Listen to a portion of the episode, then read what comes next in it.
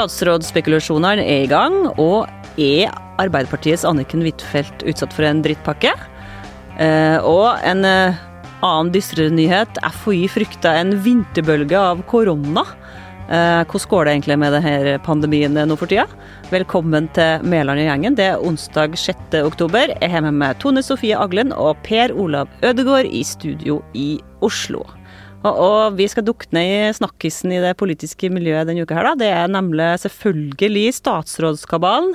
Um, og Tone Sofie, først da, så må vi jo ta det det begynte med. Uh, det var en artikkel i Dagens Næringsliv på fredag, tror jeg, uh, forrige uke, der anonyme kilder sa at Anniken Huitfeldt i Arbeiderpartiet kan bli kunnskapsminister i den nye Støre-regjeringa. Og det, det, var jo litt, litt, overraskende, for vi hadde jo egentlig tenkt mange, liksom tippa henne som utenriksminister. da. Uh, og deretter i Dagbladet så kom det en sak med nye anonyme kilder som sa at hun kanskje var utsatt for en drittpakke. Uh, Tone Sofie, hvordan, hvordan, er egentlig det her? Er det å bli kunnskapsminister i Norge, er det like ille som å uh, måtte ta opp igjen matten fra videregående? Er det en drittpakke? Nei, Det er jo det som har vært den, den store snakkisen i pressemiljøet, i mangel på kanskje veldig mye konkrete nyheter fra Hurdalssjøen, er jo eh, nettopp den eh, presentasjonen som at det skulle være en drittpakke. For eh, de fleste vil vel mene at det å bli kunnskapsminister i Norge er en særdeles viktig og attraktiv jobb. og og, men for å liksom gå litt inn i hva som um, er realiteten her, er vel at mange har hatt Anniken Huitfeldt som en stor favoritt til å bli utenriksminister. Har, hun er jo leder av utenrikskomiteen uh, i dag eh, definitivt eh, både har den erfaringa og, og, kunnskapen som trengs. Og i tillegg så er hun kvinne, og jeg tror for Arbeiderpartiet har det i seg sjøl vært et poeng. Det finnes jo andre gode kandidater òg, f.eks. Espen Barth Eide, som har vært det før. Eh, men jeg tror liksom det der kunnskapsminister kom litt sånn opp etter at SV forsvant ut. For det har vært et sånn typisk departement som vi hele tida har tenkt at eh, SV vil ha eller eh, skal ha.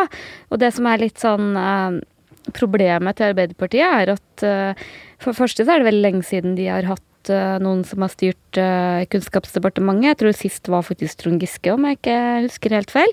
Det har vært et departement som som SV hadde alle åtte årene i rød-grønn regjering. Eh, de siste åtte årene så har jo det vært eh, Høyre som virkelig har hatt eierskap til skolepolitikken, og Venstre har eh, prøvd å få litt eierskap til det. Og det blir nok oppfatta som viktig for Ap å få tilbake troverdighet på skole. Samtidig så er det ganske få liksom åpenbare sterke kandidater innad i partiet. Man har Torstein Tvedt Solberg, som er utdanningspolitisk talsperson og har gjort en ålreit jobb, det er ikke noe med det, men, men eh, når man før liksom har pekt på de, de, de største sluggerne med mest erfaring, så har liksom det her kommet litt sånn Oi, hvem skal inn i den jobben? Så det er litt sånn det har kommet opp, og så har det virkelig dratt på seg med spekulasjoner om motiver og alt mulig annet rart. Kan en stole på anonyme kilder eh, nå i den situasjonen vi er i, der det er så høyt spill, og det er så mange som har venta seg både statsrådsposisjoner, politiske rådgiverposisjoner og andre statssekretærstillinger? Nei, det er jo en veldig spesiell tid uh, for de regjeringspartiene. Uh, for det er selvfølgelig veldig mye nerver, og det er veldig mange som sitter og venter på telefon. Og veldig mye som er uavklart. Og, så er det også veldig få som vet noen ting. Og i hvert fall min erfaring med både forhandlinger og, og statsrådskabaler er jo at jo mer du vet, jo mindre snakker du. Så veldig mye av det som verserer rundt uh, i media sånn, har jo en tendens til å være litt sånn uh, neppe førstehåndskilder, da. Så er det selvfølgelig mange som har litt sånn ulike motiv, og, og her blir det veldig sånn spekulert i masse ulike motiv om uh, er det noen som vil ha Anniken Huitfeldt ut? Eller er det rett og slett fordi man mener at hun er en så sterk kandidat? Og det har jo vært litt sånn Blant annet en kommentar i Vårt Land som har Også i Dagbladet-saken så ble det jo også hevda at Eh, det her handla om eh, etterdønninger etter Giske-saken. Eh, at hun ble oppfatta som for Giske-vennlig. Og det, jeg må jo si, hvis Arbeiderpartiet fortsatt driver og surrer med det der, da har de et stort problem også. Det håper jeg inderlig at de har lagt fra seg. Du skal ikke spekulere i noen kilder her, for det vet jeg jo selvfølgelig ingenting om. Det her er jo konkurrenter av oss som har skrevet disse sakene. Men eh, når det blir lagt fram slik at det er en drittpakke så må det jo kan det tolkes som om miljøet rundt Anniken Huitfeldt og Anniken Huitfeldt ikke syns at kunnskapsministerposten er noe gjevt i forhold til utenriksministerposten. Ja, det er jo det som er liksom det liksom spesielle med den saken, er jo det anonyme kilder som kommenterer anonyme kilder. Men det er jo nettopp den der drittpakkebetegnelsen for det Dagbladet som Støre har blitt utfordra på, som gjør det litt spesielt. Så vet vi jo ikke, det trenger slett ikke å være Anniken Huitfeldt som er Det er jo ofte sånn i politikken at det er mange som uh, har både meninger og omsorg på vegne av andre og, og sånn, så det, det, blir jo helt sånn umulig å spekulere i. Det kan jo være klamme omfavnelser ute og ja, går her òg. det er veldig mye klamme omfavnelser ute og går. Eh, så liksom, det kan jo se åpenbart ut hvem som står bak, men det trenger det jo slett ikke å være. Det virker jo veldig rart om man sjøl eh, løper ut på den måten. Så, men, men det, det, som liksom er liksom det rare med det her, da, at du har liksom fått en del påstander om at nå kan i hvert fall ikke Jonas Gahr Støre gå for Bjørniken Huitfeldt. Det er det ene som har stått på trykk. Og det andre alle snakker om at hvem i all verden skal nå bli kunnskapsminister for Arbeiderpartiet? Det, liksom, det var ikke akkurat noe veldig sånn ærefull eh, titulering av den posten, da, som er veldig viktig. Ja, ikke sant. Per Olav, eh, hva syns du? Nei, jeg har jo fulgt den persondebatten, men eh, det er jo også litt interessant hvilke departementer de forskjellige partiene skal ha. Vi snakker jo som om det er gitt at Arbeiderpartiet skal ha Utenriksdepartementet, og det er det helt sikkert riktig også. Fordi de er jo garantisten for eh, både vår tilknytning til Europa og selvfølgelig Nato. Nå er jo ikke det noe problem med denne regjeringen, for nå er jo det partiet som var motstander av Nato, er ikke lenger med i diskusjonene om å danne regjering. Det, men uansett så får Arbeiderpartiet Utenriksdepartementet, men det vil vel da kanskje bety at uh, Finansdepartementet skal uh, At Senterpartiet skal inn der. De skal vel ha et av de store, tunge departementene, eller hva tror du, Tone? Ja, det, er jo bare spekulasjoner fra oss, det her. For jeg blir veldig overraska om Jonas sjøl har sittet på bakgrunnen med journalister og fortalt hvordan det her blir. Men det at Arbeiderpartiet skal utenriks, det tror jeg blir regna som meget meget sannsynlig, jeg kan ikke se for meg noe annet. Men at Senterpartiet derimot kan få Forsvarsdepartementet, for det er jo et departement de har både mer eh, ja, mye engasjement i, og for så vidt også en stor falløyde med en del av det de har eh, lova når det gjelder Andøya og andre saker. Men, eh, men, det er en sånn todeling jeg kan se for meg. men men Finansdepartementet er jo et av de postene som det virkelig spekuleres i. For det er naturlig at Eh, Senterpartiet har det som eh, det nest største partiet, og det har jo vært litt sånn tradisjon for at partilederen har hatt det. Nå er det jo litt sånne snakk fra Senterpartikretser, og her er det helt sikkert også mye spinn om at de eh, ikke nødvendigvis vil ha det. Det blir jo ofte diskutert om partilederen forsvinner litt eller eh, ikke akkurat få profilert hjertesakene sine i, som eh, finansminister. Samtidig så er det et veldig prestisjefylt eh, departement. Det er veldig mye politikk som ligger i finans. Jeg har liksom vanskelig for å se for meg at det er noe man bare lar gå. Men det som også blir sagt fra Arbeiderpartiet-hold, er at det, at det, er viktig for dem å ansvarliggjøre Senterpartiet i den økonomiske politikken, at det i seg sjøl er et Derfor er det viktig at de har det departementet. Litt sånn som Siv Jensen som var finansminister for Frp, ikke sant. At det er tanken der at, at Senterpartiet skal inn og ikke love altfor mye som overgår handlingsregelens eh, regelverk. Nei, jeg tror nok det å være innafor de murene i Finansdepartementet er eh, ganske disiplinerende. Så kan man jo si at det ser jo ikke akkurat sånn ut på oljepengebruken til eh, Ernas regjering, men vi vet jo ikke hvordan det ville gått hvis Siv Jensen ikke hadde vært i Finansdepartementet. Men hva er det som er de mest ettertrakta departementene, da? Nei, det er jo selvfølgelig de store, tunge, men uh, mellom de to partiene her så tror jeg at uh, det er liksom mest sånn intern uh, eh, krig om de her næringsdepartementene. For der tror jeg begge partiene har, har lyst til å vise seg fram. Næringsministeren, energi, olje. Hvem, og mulig at de endrer litt på det, at det ikke lenger blir olje, men bare energi. Eller det blir sikkert olje med den regjeringa her, da. Men eh, miljø, tror jeg, og klima, landbruk, tror jeg begge kunne tenkt seg, og kanskje også samferdsel. For jeg tror liksom de der, liksom, de der tunge Eh, næringsdepartementene som går på går på sånn industri, næring, distrikt og sånn, tror jeg er attraktiv for begge partiene. Så er jo for Arbeiderpartiet så er det jo kjempeviktig med Arbeidsdepartementet, og det tror jeg nok er et politikkområde hvor vi kan vente en del endringer, hvor Arbeiderpartiet har mye å innfri og store forventninger fra fagbevegelsen LO. Helsedepartementet tror jeg er kjempeviktig for Arbeiderpartiet å ha ha grep om. Eh, eh, kunnskap tror jeg også, sjøl om Ref vår tidligere diskusjon, at det kanskje ikke er liksom helt sånn åpenbart eh, hvem som får den. De har jo også en del dyktige uh, ordførere og fylkesordførere som kanskje kan få plass nå. Etter at SV gikk ut, så er det jo mer rom for å tenke litt mer utradisjonelt enn bare de fraksjonslederne som vi ofte har trukket fram i kabalaen. Og så var Senterpartiet sin side, da, så tenker vi jo helt åpenbart at Kommunaldepartementet er noe de alltid vil ha. At eh, landbruk eh, sikkert krevende å innfri, store forventninger, men det er noe liksom nær hjertet. Og også sånn samferdsel og næring og sånn tror jeg er departement de gjerne vil ha. Har du noen tips om eh, klima- oljeminister? Eh, kanskje det blir slått sammen, da? Eller det kan være to?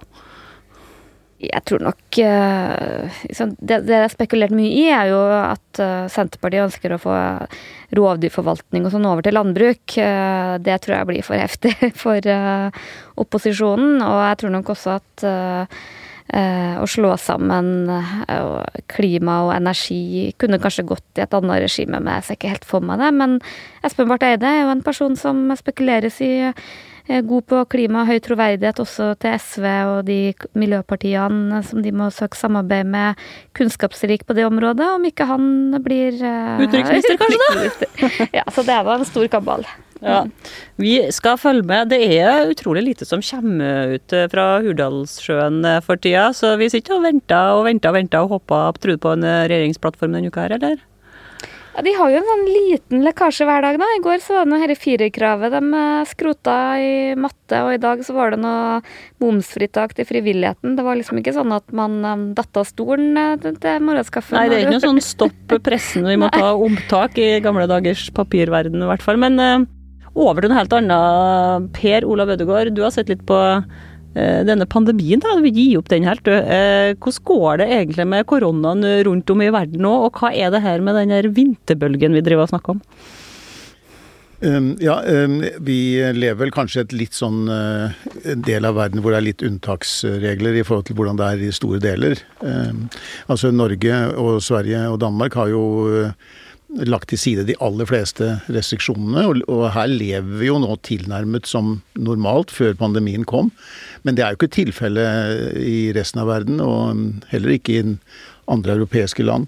Um, vi, vi, ser at det fortsatt er ganske betydelig grad av smitte rundt om. Vi ser at mange land opprettholder smitteverntiltak.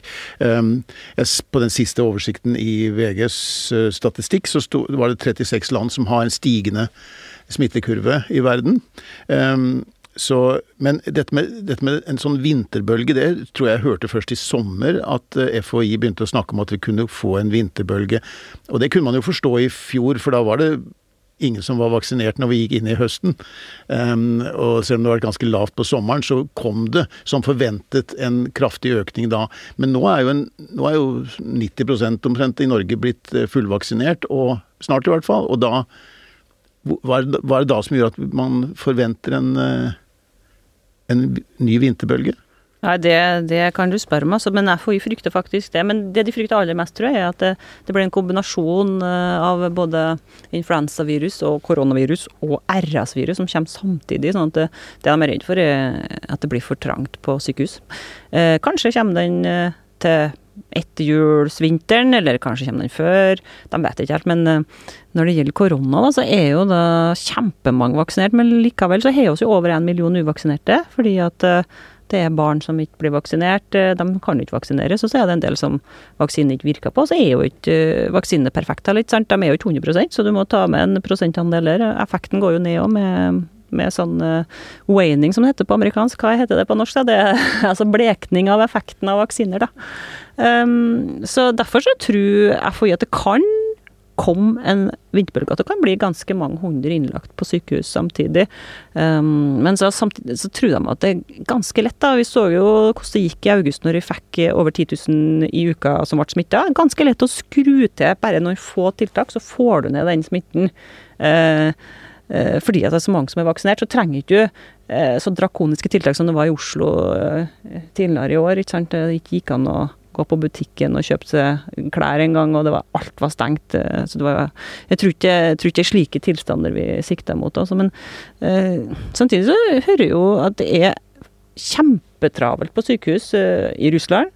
I USA, i Alaska, er det italienske tilstander jeg har lest. Og det til tross for at eh, vaksineringa har kommet ganske langt eh, i USA, i hvert fall. De var jo tidligere ute enn oss med å uh, sett uh, vaksine? Ja, De startet tidligere, men gjennomføringen har jo gått mye tregere. Uh, og Det er fordi at det har vært motstand, politisk motstand, og mange mennesker som nekter å ta Har ikke tillit til vaksinen. Og du ser store regionale forskjeller i USA. Du ser at i områder som i all hovedstad stemte på republikaner eller Trump i siste presidentvalg, der er det langt høyere dødstall enn i de, valg, eller de områdene hvor demokratene og Joe Biden vant. Eh, det er en eh, signifikant forskjell. Betydelig. Det er mange ganger så mange eh, i de områdene som hvis du sammenligner røde og blå områder som man gjør der, da. Men samtidig så ser du sånne stater som California hvor um, egentlig ganske høy um, vaksinedekning totalt sett. Så er det visse sånne lommer og områder hvor det har vært lav dekning. Godt under 50% som er blitt vaksinert. Og der har de fått en voldsom spredning nå. Uh, så ille at man i visse områder måtte sette inn nasjonalgarden og saniteten da, der til å Eh, jobbe på disse sykehusene som, hvor kapasiteten er fullstendig sprengt. Og det, det, er jo, det dør fortsatt borti bort 2000 mennesker hver dag i USA pga. denne i denne pandemien. De har mistet eh, nå langt over 700 000 mennesker i det. Det er verre enn spanskesyken. Og i Russland så, fortsatt, så stiger det, eh, av de landene hvor det stiger, høye smittetall der. Mange Altså i, i, går tror jeg det var 800-900 mennesker som døde der av denne sykdommen. Så det er i høyeste grad Og av de 36 landene jeg var inne på i stad, så er jo veldig mange av disse som er i Afrika og Latin-Amerika.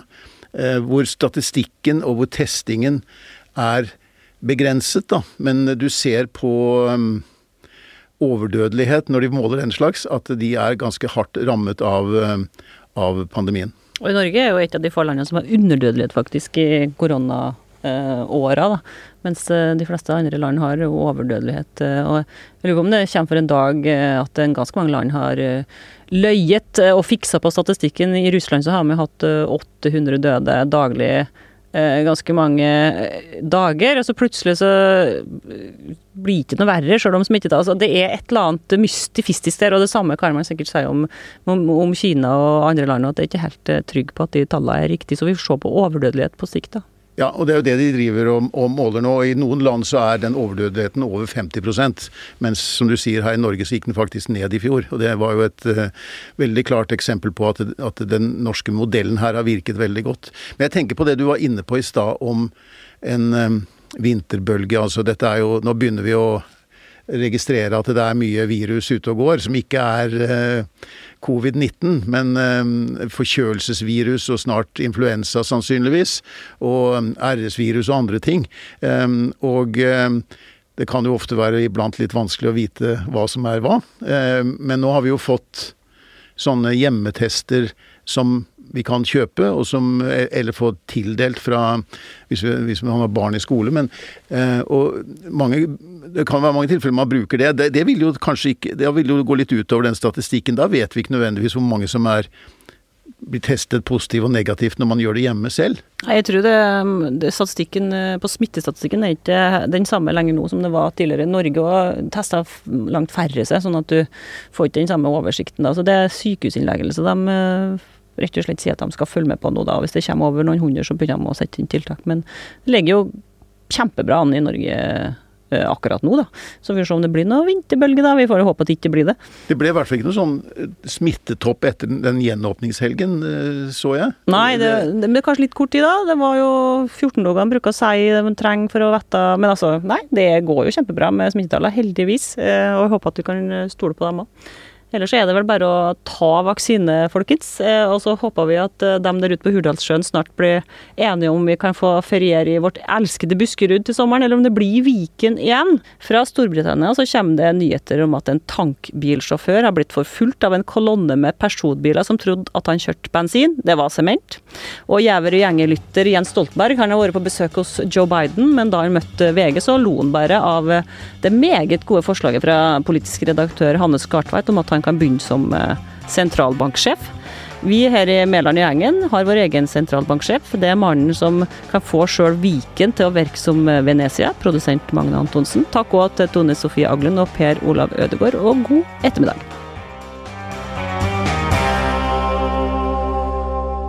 Du har hørt en podkast fra VG.